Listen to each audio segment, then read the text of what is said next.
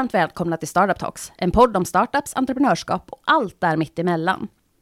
Dagens gäst, Marcus Strugge, är visionären och tvåbarnsfar som driver startupbolaget Arbo Air. Det hela startade för fem år sedan då Marcus kontaktade bonden Bosse med frågan om att analysera grödor. Samtalet slutade i ett frö till en idé om att analysera skogsskador, då Bosses största problem var och är, likt många andra skogsägare, granbarkborrar.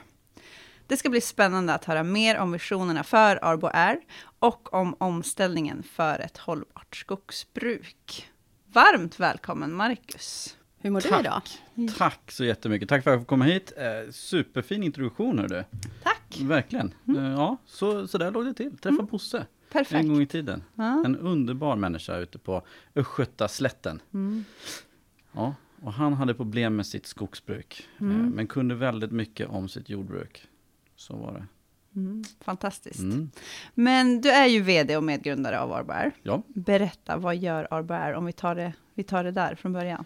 Ja, vi gör inte mer än att vi revolutionerar världen. Mm. Eh, vi jobbar också med gröna näringar och vi, eh, vi jobbar också med att hantera eh, invasiva arter i världens största landbaserade kolsänka, skogen. Det är ungefär det. Eh, det här gör vi med teknik och då är det bildbehandling, AI-igenkänning, eh, alltså bildigenkänning, eh, och lite cloudstrukturer och sånt. Och det där blandar vi ihop och så får man en analys av hur man ska sköta skogen, hur man ska hantera invasiva arter, hur man ska ehm, hur mycket kol som binds i varje liten skogsdunge i världen. Så att man kan, istället för att hugga ner, kanske kan börja kapitalisera på ehm, utsläppsrätter eller sådana saker. Och låta, man, låta skogen stå där. Så. Hur kändes det där när Bosse ehm, inte var så intresserad av, av lösningen för, för jordbruket liksom? Alltså, sånt är ju det som jag tycker är mest spännande. Alltså, när, när, om jag kommer med det, jag är så här idéspruta, eh, det är väl så. Jag kommer på ganska många idéer och jag har ganska höga visioner som vi pratade om förut. Så, ehm, och så kommer jag till en sån person som, som eh, verkligen är målgruppen och, och, och egentligen har behovet. Va? Och om jag liksom lägger fram då den här eh, idén, så, det här, jag, hade ju, jag fick idén veckan innan. Eh, och så, så träffade jag honom och så liksom veckan efter då bara så här, ja ah, men hörru, jag testar den här, vad tror du? Eh, och då pratade jag liksom om, då pratade jag om, eh, jag hade tanke på så drönarsvärmar som kommunicerar genom AI-luften och, och liksom analyserar allt och sådär. Och han var så här, nej, nej, nej, inte här liksom. Eh, och, och så sa han så här, men du, vi har det, vi, vi analyserar ganska mycket av grödorna idag på andra sätt. Men, men just i skogen, dit kom jag aldrig. Eh, och jag tyckte det bara var spännande. Jag bara, ha, det här är någonting som inte jag tänkt på. Det här är någonting som jag bara snubblar över. Jag undrar vad man kan göra här. Och sen så blev det ju ett, ett väldigt sökande då efter eh, just dels då, vad är behovet? Vad är det verkliga behovet? Och, och var finns betalningsviljan där? Och, och hur stort är problemet? Och alla de här sakerna. Så jag tycker det bara, det blir liksom början på en resa. Så. Mm. Liksom Du sa att du var en idéspruta, liksom. Mm. hur, vad är det som har fått dig att fastna för Arbo Air-idén? Eller hur funkar den processen för dig? Mm. Eh, för mig så är det så här, jag, jag pluggar till ingenjör inom energi och miljömanagement. Eh, så det är egentligen industriell ekonomi fast min master var hållbart företagande. Så jag har en sån typ botten, eh, bottengrej, liksom. Eh, att jag vill jobba med hållbarhet på något vis. Eh, och sen så, i och med min utbildning så såg jag ganska många exempel där man Eh, man kanske hade en, vad ska man säga, det är lite fult att säga, men kan vara en smutsig industri. Eh, och så sa man så här, nej men nu måste vi göra den här grön, så nu gör vi loggan till ett grönt löv. Och så kör vi, och så brandar vi oss. Och, och det där var jag så här, nej jag vill, verkligen, där vill jag inte jobba, liksom. där vill jag inte hålla på. Eh, och då började jag tänka på just det här med gröna näringar och liksom varför, liksom varför är man inte där? Varför är teknologin inte där egentligen? Och då började jag kolla, kolla på det här mer eh, på djupet. För jag tänkte säga, ja men alltså, i, om man jobbar med, med gröna näringar, man jobbar liksom med, med skog eller jordbruk eller någonting, då jobbar man ju egentligen i själva kretsloppet. Eh, man, man jobbar ju i kolbindningscykler, eller hur? Och allt det här. Och då tänkte jag så här, ja men där vill jag ju vara. Det där jag vill jag, jag visste inte vad, men det var ju där som jag ville eh, jobba. Eh, och sen så hade jag, jag kan säga, jag hade väldigt tidigt också en idé eh, om att Eh, jag kommer ihåg, vi hade en, en, en kurs eh, på universitetet där man pratade om hållbarhet och då pratade man om, om hållbarhetens tre olika delar, olika liksom, stöttepelare. Eh, och, och då pratar man om just det där att ibland så kan man tycka så här, ja men um, om man driver ett, ett um, uh, ja vad kan det vara? Det kan vara ett socialt projekt, alltså för social hållbarhet. Uh, men då kan en del tycka att det är fult att tjäna pengar på det där. Eh, eller till exempel att man jobbar med eh, ekologisk hållbarhet, så kan det vara så här, nej men då struntar man i dem socialt och ekonomiskt. Och då blir det inte så mycket av det, det blir inte så stor impact. Och då så sa man det att, ja men, så det bästa är egentligen om man får balans på både ekonomisk, ekologisk och social hållbarhet. Och då, det, där började, det där tog jag till mig verkligen. Eh, och, och um, det blev liksom, ja det blev ett rättesnöre för mig. Mm. Jag tänkte så okej, okay, ja men om man ska, om man ska kunna liksom verkligen göra en impact, men då måste man tänka globalt, man måste tänka stort. Och för att tänka stort så måste man tillräckligt mycket kapital. Och för att eh, kunna eh, ha tillräckligt mycket kapital så får man inte bara liksom fokusera på det, för då får man problem med de andra Förstår ni vad jag menar? Mm. mm. Ungefär åt det liksom. Mm. Jag tänker också, är det under din liksom, universitetstid som själva fröet och du träffar Bosse eh, och fröet till Arbo R startar? Eller när, vart livet är du liksom? Ja, just När det. du får idén om... Ja, ja härligt. Eh, ja. Så, så, är det. Så, ja. Precis. Eh, det, det, jag, är, jag, jag pluggar på universitetet. Eh, jag har kommit tre år in i mina studier. Mm. Jag har hunnit få två barn under den tiden. Mm. Eh, så jag, de är ganska tätt mellan sig. Eh, och jag var pappaledig. Mm. Så jag var pappaledig på halvtid, men vi behövde lite mer pengar i kassan för att driva runt familj och allt. Eh, så, så jag tog lite extra kurser på sidan av på universitetet. Mm. Ehm, och jag har alltid varit intresserad av entreprenörskap. Jag har en hela min familj håller på med entreprenörskap. Så, så eh, min farfar eh, var entreprenör eh, uppe i Norrland. Han hade ett jättestort entreprenadföretag med 100 anställda som byggde vattendammarna. Eh, det tog min pappa över sen och drev det ner i Stockholm. Eh, och till slut nu så har jag tagit över det, jag har ställt om det, jag gör något helt annat med det än, än just med maskiner, utan nu håller jag på med uthyrning och passiv inkomst. För jag, jag sa det att jag kan inte jag kan inte driva det på det sättet. Eh, det hinner jag inte med. Inte när jag mm. studerar och är tvåbarnsfar och driver ett annat bolag. Så då ställde jag om det lite grann. Mm.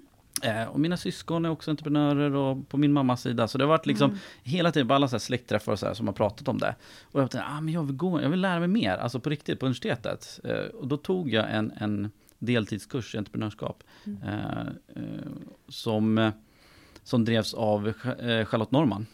Mm. och där så, så hade vi den här att man skulle tänka, liksom man skulle komma på en idé som man skulle kunna kommersialisera. Det var mm. ju liksom inte mm. att man måste, liksom, men det var så. Och då, då var det där jag, startskottet. Mm. Det är då du träffar Bosse? Ja, liksom. precis. Och du, du är ju medgrundare tillsammans med Jakob Hjalmarsson. Mm. Hur hittade du Jakob? Uh, ja, Eh, han, han gick eh, också samma utbildning som mig, fast han gick en annan årskurs. Eh, och eh, han drev ett annat bolag då, en konsultbolag inom, eh, som miljökonsult då. Mm. Eh, och det var inte jättemånga studenter som drev bolag, så man hade lite koll på varandra. och, och så, så var det ett event på, på universitetet. och, och det var prins Daniels eh, Entrepreneur Fellowship mm. som var där. Eh, och de bjöd in till liksom det runda bordet efter deras presentation och så fick man ansöka, så kom vi med och vi satte oss ner eh, med hans rådgivare och pratade om våra idéer. Och när mm. jag drog upp min idé där så sa liksom, eh, det var Jessica Schultz var där och det var några till och, och, mm. och eh, prins Daniel också då såklart. Och när jag tog upp den här idén så sa jag, ah, men det är någonting där. Det finns någonting där. Uh, och då hade jag egentligen inte riktigt pratat så mycket om det här. Uh, utan det var, det var liksom, det har varit min, min grej som jag burit på som ett litet frö liksom. Och när jag hörde det så var det som att jag fick modet att liksom, nej men vänta nu, nu testar jag. Mm. Och då satt ju Jakob bredvid mig och då sa jag så här, hörru, eh, vad, vad säger du, ska vi, kan vi testa? Ska vi Mm. köra på det här? Eller ska vi bara, vi bara, jag vet att vi har mycket att göra, men vi kan bara liksom titta lite. Och sen så var det så vi drog igång det då. Eh, och då var det på, vi började på LiU innovation. För det finns på universitetet så finns det en, en, en, liksom en liten inkubator för verkligen frö nivå av, eh, då man inte har några pengar, man kanske inte har startat bolag eller någonting, man bara har en idé. Och där utvecklar man den. Hur var det liksom att släppa in någon annan på din idé? Liksom, eller, Eh, eller att börja prata om den överhuvudtaget? Ja, att börja prata om den, det var, eh, det var fruktansvärt läskigt i början. Mm.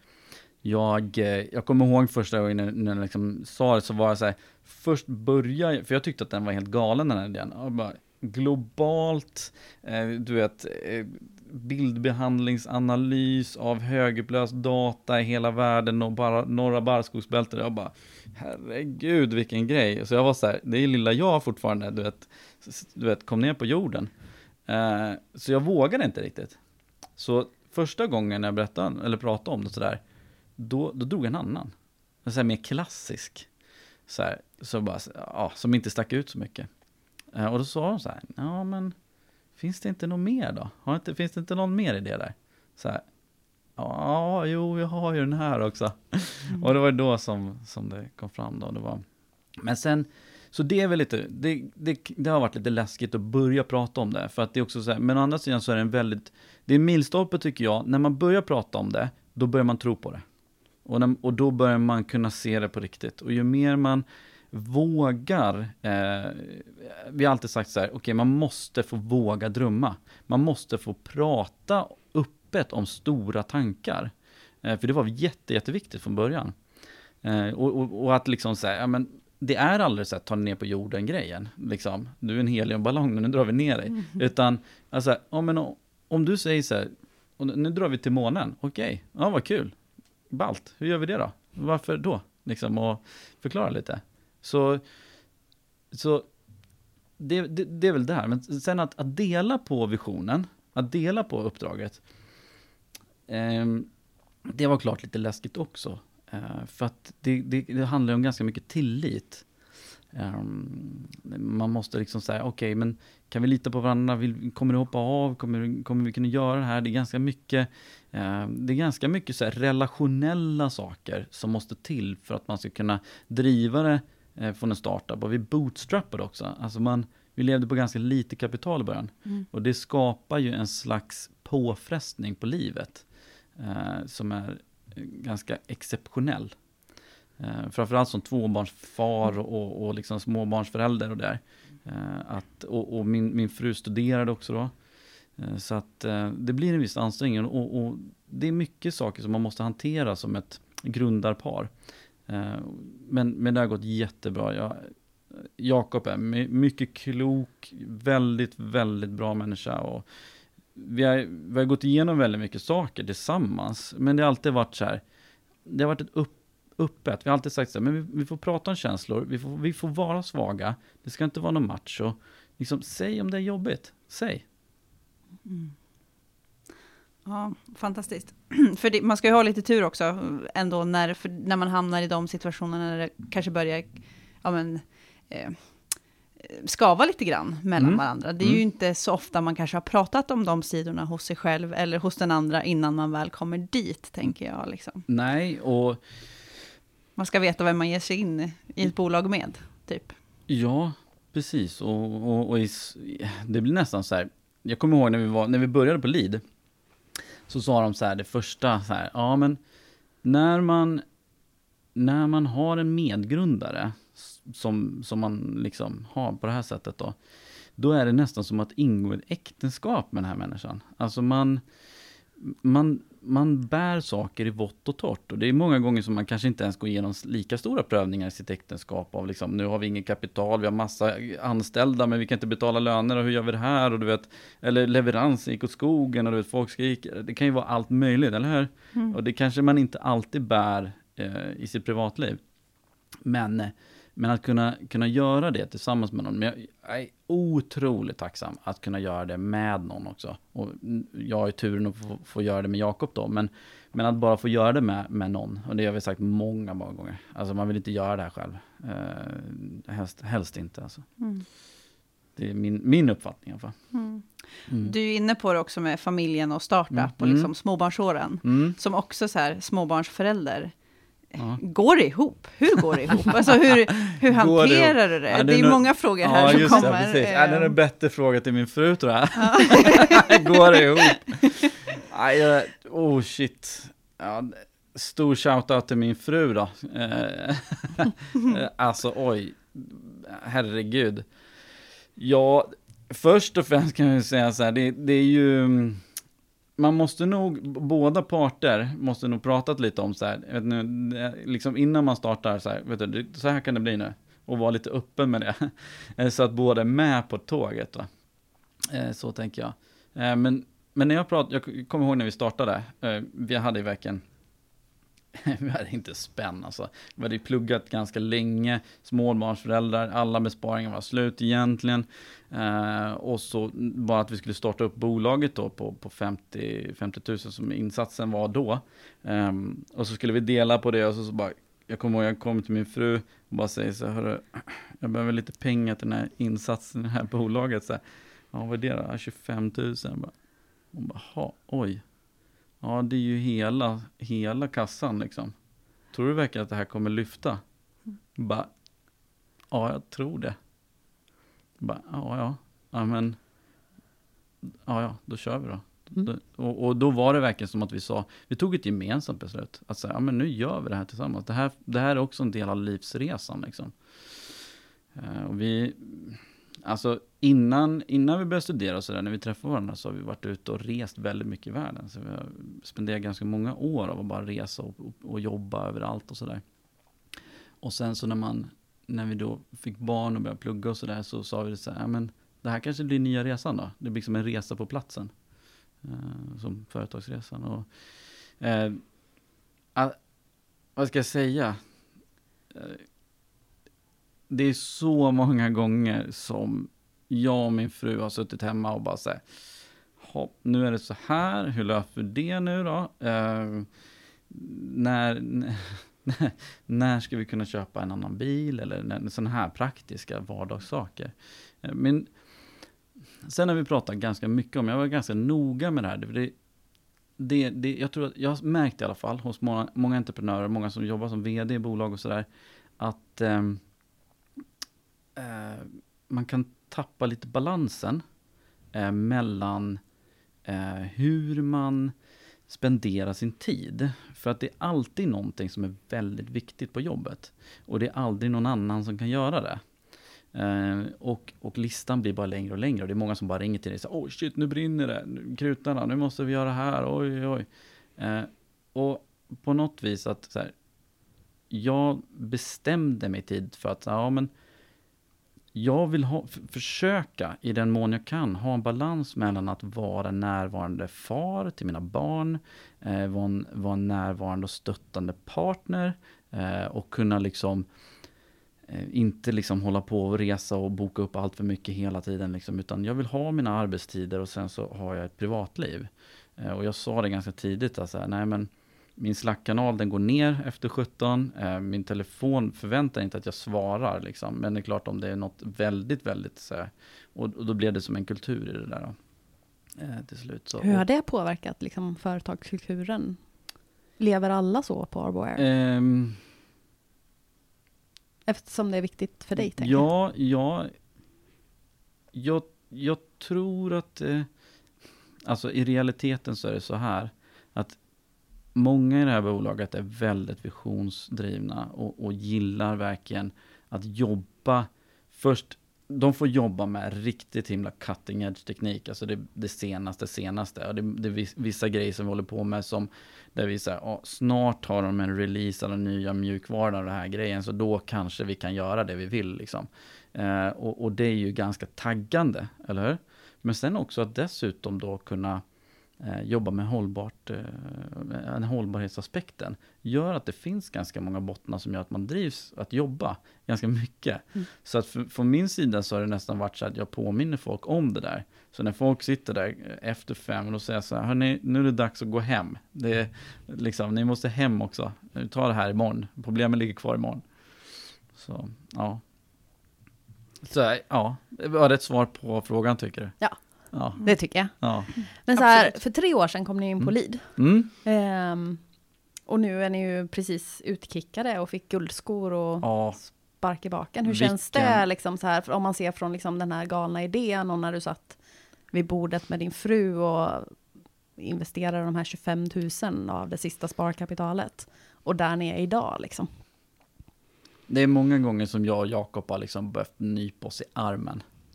Eh, vi, när vi tänker tillbaks på alla grejer som vi har gjort, liksom, eh, vi, det är liksom på något vis, om man, hade, om man hade sett det som vi gör nu mot när vi bara börjar tänka på det och börjar bara granska marknaden och liksom allt, ekonomi och juridik och allting.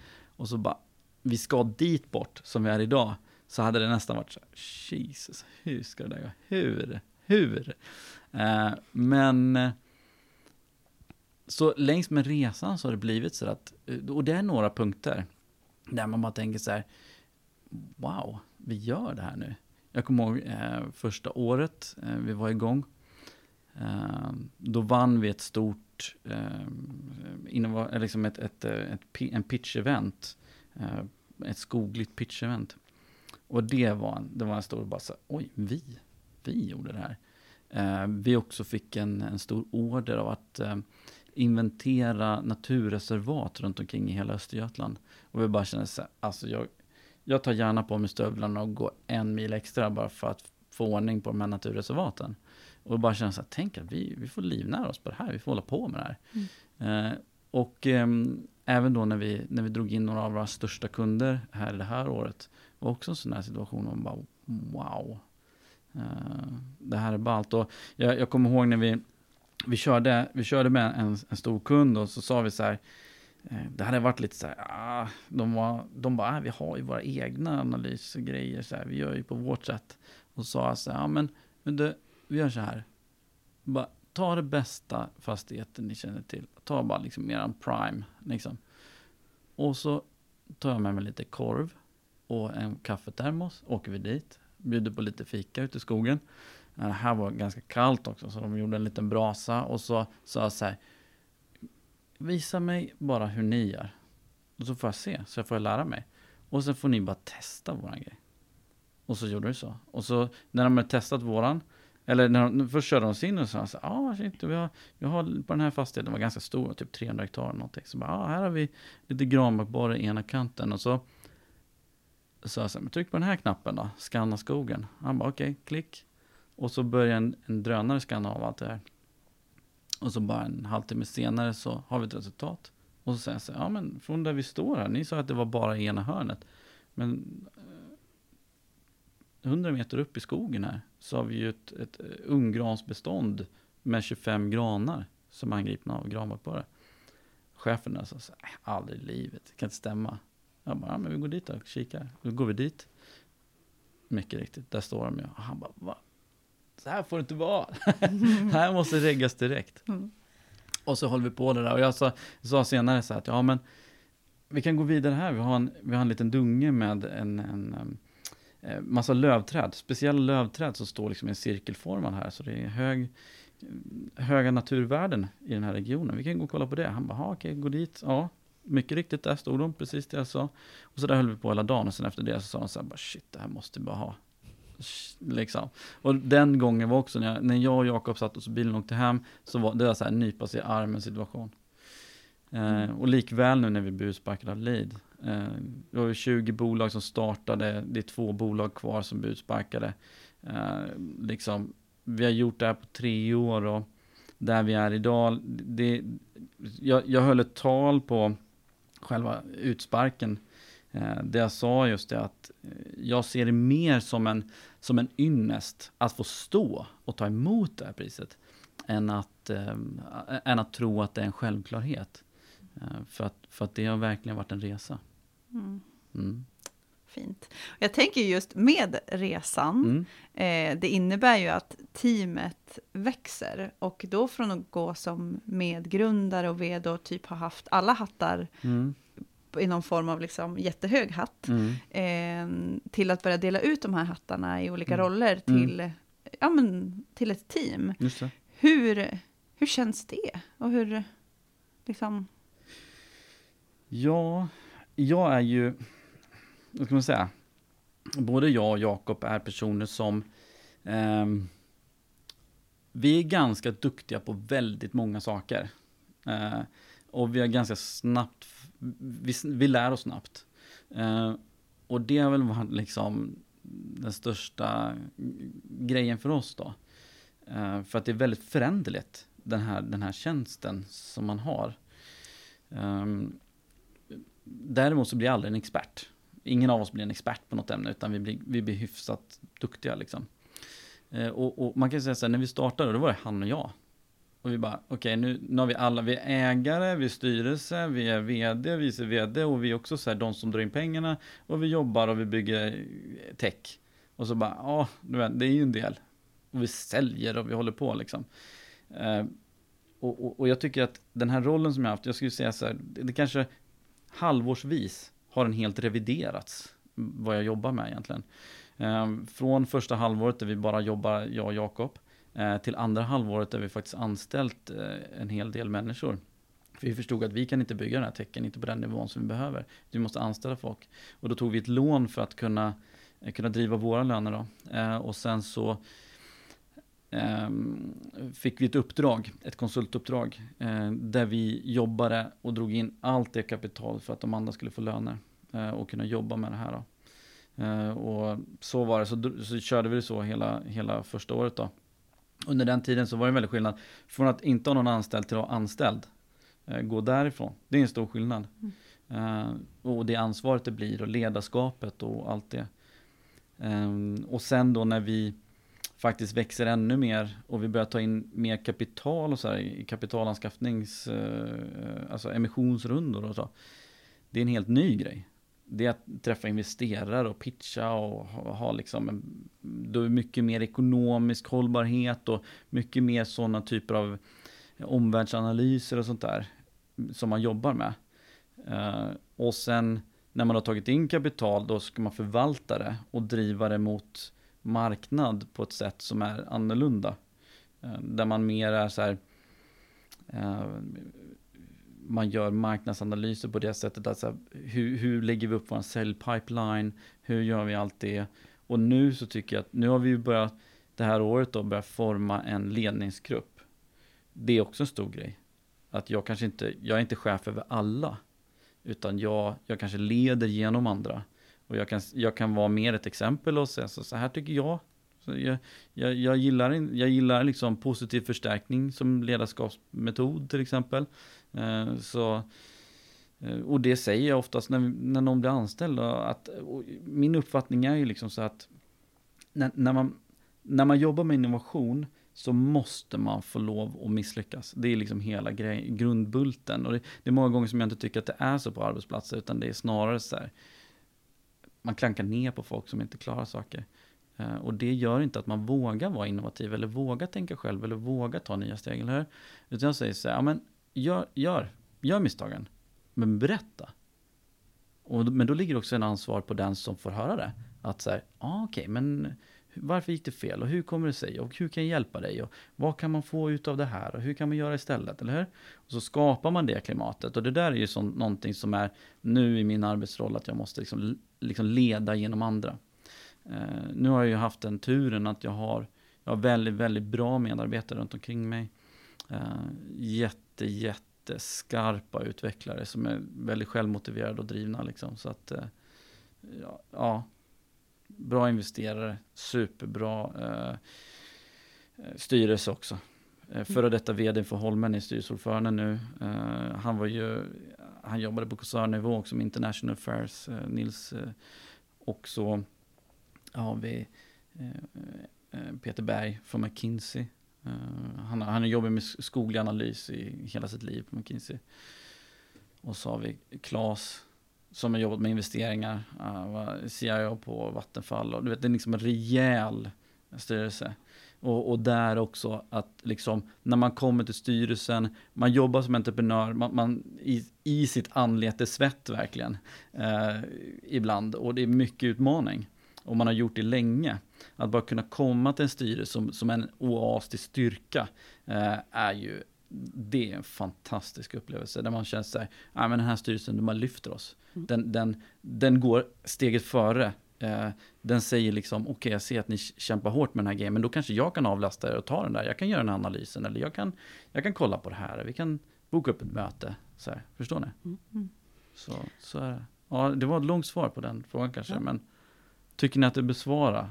Ja. ja, och det är ju en häftig resa. Ja, och det har ju hänt väldigt mycket de här sista, mm. eller de tre åren som ni har varit på LID, tänker jag. Mm. mm. Eh, vad skulle du säga, har du någon så här aha-upplevelse Eh, eller en stor lärdom som du vill dela med dig av på liksom den här resan som ni ändå har kommit en bit på vägen nu? Mm. Det är väl när jag kom in här. Jaha, nu är jag med i en podd. Aha-upplevelse. Ja, men någon sån här alltså stor någon... lärdom, liksom, mm. eller någon nyckel som du kände så här att, åh. Ja, det, det, det är massvis. Det är, det är ju enormt mycket som man var tvungen att lära sig. Um, aha-upplevelser. Dels är det jättemycket inom skogsbruket såklart. Mm. Mm. Uh, det var ju framförallt första året. När vi bara, liksom, vi jobbar ganska mycket med marknadsundersökning och kollar liksom hur jobbar man? Hur förvaltar man skog och hur, hur gör man på olika sätt för att, för att få skogen att verkligen växa, växa på ett bra sätt. Uh, jag var på ett väldigt intressant Skogens dag uppe i Stockholm, där kungen var med och några föreläsare från, från eh, industrin i världen pratade om just det här, alltså hur man kan substituera eh, fossila bränslen och, och liksom den kraften som finns i det och sådär. Jag tycker det är, det är massa aha-upplevelser där, hur trenderna går.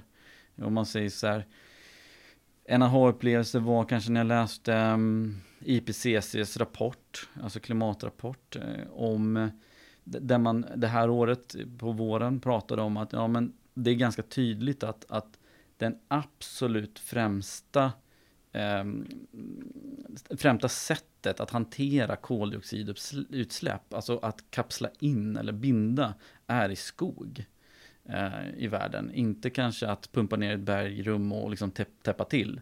Utan det är främst att, att kunna hantera det som växer på jordskorpan. Liksom. Eh, och, och det, ja, sånt är ju så här, wow, ja men faktiskt, det är det här vi håller på med. Mm. Ja. Är det någonting som du önskar den dag, att du visste den dagen du klev på som vd? Som också kanske har blivit då en lärdom, men så här, tänk om någon hade sagt det här till mig. Då hade det liksom... Det är bra att man inte vet allt. det, det, så tar man de problemen när de kommer. Ja. Eh, något jag hade velat veta. Mm. Ja, som du kan dela med dig som ett tips typ? Mm, liksom. Ja, precis. Mm. Jag kan säga så här. Om det är någonting som jag skulle ha gjort tidigare så är att tagit med någon ekonom som, som låg närmare bolaget på något vis. Alltså som har liksom skin in the game i bolaget. Eh, för att det blir en skillnad. Jag är ju liksom, jag är inte så, jag är inte ekonom egentligen. Entreprenör, jag kan lite grann och sådär. Men att verkligen liksom dedikera sitt arbete till att faktiskt kolla på det hela tiden. Eh, det hade varit en, en, en väldigt bra grej. Jag tror att många väntar länge med att ta in någon som, som faktiskt fokusera på det ämnet. Om det inte är så att man är grundare och är kanske man kommer från den mm. bakgrunden. Um, men, men det, det är någonting. Om du skulle ha ett här, på LID får man ju coachningssamtal. Om du skulle ha mm. ett eget coachningssamtal med, med dig själv liksom för mm. fem år, ditt fem år tidigare jag liksom. Mm. Då är det ekonom tidigare. Mm. Vad är det mer liksom för tips eller? Se till att ha en mentor. Nu fick jag en här. Men se till att ha en mentor. Se till att, äh, jag, jag, jag, jag, tror verkligen att jag valde helt rätt som att faktiskt starta med någon. Istället för att hålla det liksom så här, nej men jag ska inte släppa på aktierna eller förstår ni, jag ska liksom, jag ska bli rik själv eller något sånt här. Utan att säga, nej, Alltså gör det med någon. Det blir roligare. Man, man bär glädjen och liksom man kan skratta tillsammans, men man kan också gråta tillsammans. Mm. Sen så, eh, vad kan det vara mer? Ja. Att ibland så är det bara att hålla ut. Alltså, man kan tycka att så här, nej, du vet, man, man kanske inte finns någon lösning. Men ibland så är det så här, ryck i alla trådar du kan. Till slut så öppnas en dörr liksom. Och, och bara håll ut lite. Man vet inte riktigt. Och man liksom... Ja, så. Sen så tror jag att eh, om jag skulle göra resan igen eh, så hade jag inte velat bootstrappat riktigt lika hårt. Eh, utan då hade jag nog velat ha det för att det är väl kanske en sak som jag tycker att jag inte har riktigt fått balans på. Alltså i mitt privatliv. Balansen mellan att, att faktiskt ha ett, ett ehm, att bära ekonomen, ekonomiskt privat eh, mot, att, att eh, driva bolaget. Där, där någonstans. Mm. Tack. Mm. Nu tänker jag att det är ju starten på resan. Liksom. Mm. Hur ser framtiden ut? Du säger du är ganska visionär, ni har en mm. ganska tydlig bild liksom, in the long game. Men hur ser tre, fem, tio år? Liksom? Vad, vad kommer vi få Shit. se framåt, mm. Ja, det är så himla mycket coola grejer. Eh, dels så kommer vi driva tekniken framåt. Eh, och just nu så håller vi på, det här året som kommer nu, kommer vi lansera ganska mycket, eh, eh en, en hög precisions eh, skogsanalys kan man säga Egentligen så är det en skötselplan för skog. I, idag så brukar man kalla det för en skogsbruksplan. Eh, det är alltså typ en, en kartbild över hur skog ser ut på en fastighet. Och där så brukar man klustra ihop olika typer av trädgrupper. Och så säger man att den här ska skötas på det här sättet och så här och så här. Eh, men det vi gör det är att vi kan liksom, vi kan bara analysera det på trädnivå. Och så kan man bara få upp en karta och så har man ett sökfält och så söker man, ah, men nu vill jag ha granar som är 25 år gamla med den här diametern, 23 centimeter. Hur många finns det? Ja, här finns de på de här punkterna. Gå ut och hämta dem liksom. Så eh, det är ballt. Och det är, det är det här året. Sen så kommer vi börja jobba ganska mycket med ekosystemtjänster. Och det tycker jag är jättespännande. Alltså hur...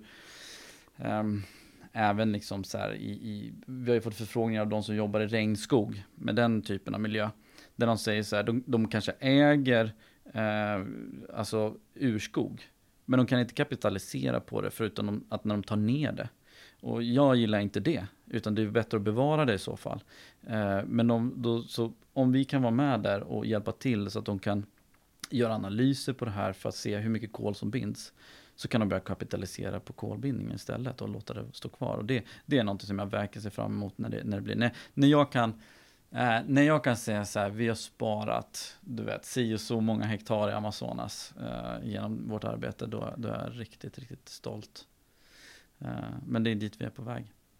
Eh, vi jobbar ju nu i norra barrskogsbältet. Eh, så vi kommer kunna hantera alla typer av invasiva arter som, som slår ut i ekosystem och sånt där. Och kunna vara snabbt med på bollen och se förändringar för att kunna hantera det. Um, sen kommer ju klart en expansion. Uh, nu, nu är vi ju uh, åtta personer. Vi kommer vara 14 personer i slutet av det här året och sen kommer vi växa efter det också. Så att uh, det, det, det är som en... Inom investerarvärlden så brukar man kalla det för en hockeystick. Det är alltså en, en, en tillväxtgraf som, som sticker rakt upp i himlen. Spännande. Mm. Eh, jag tänker, du får en sista shoutout. Ni är åtta idag, mm. ni ska vara 14 när mm. året är slut. Mm. Eh, några har lyssnat som kanske går igång på Arboair. Ja. Vilka, vilka tre nyckelfunktioner eller roller är det ni letar efter det här året? Just ja. Skitbra fråga. Eh, shoutout. Eh, nu är det ju ganska högt tryck från kunderna. Mm. Kunderna rycker grejerna ur händerna på oss och vi hinner inte riktigt med. Så vi behöver en till på marknaden som kan ta hand om eh, ansvar för projekt som vi driver, alltså säljprojekt och följa upp och lite med customer success. En sån person. Så de som gillar att hantera kunder och hålla dem i handen genom kundresan, de personerna, det är spännande. jag älskar sånt, jag tycker det är jättekul. Eh, Sen, sen har vi ju inom AI-utveckling.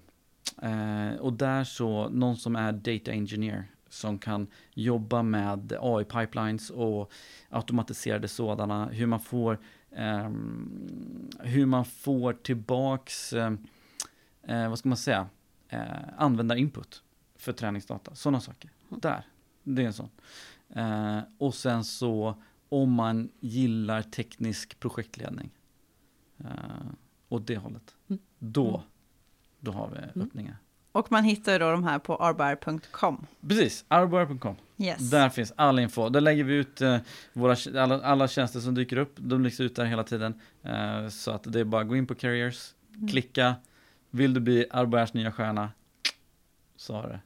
Ja. Så ses vi där. Underbart. Spännande. Stort tack Marcus för att vi får prata lite grann med dig. Ja. Eh, Det finns många frågor man vill bara fortsätta, men eh, stort tack för...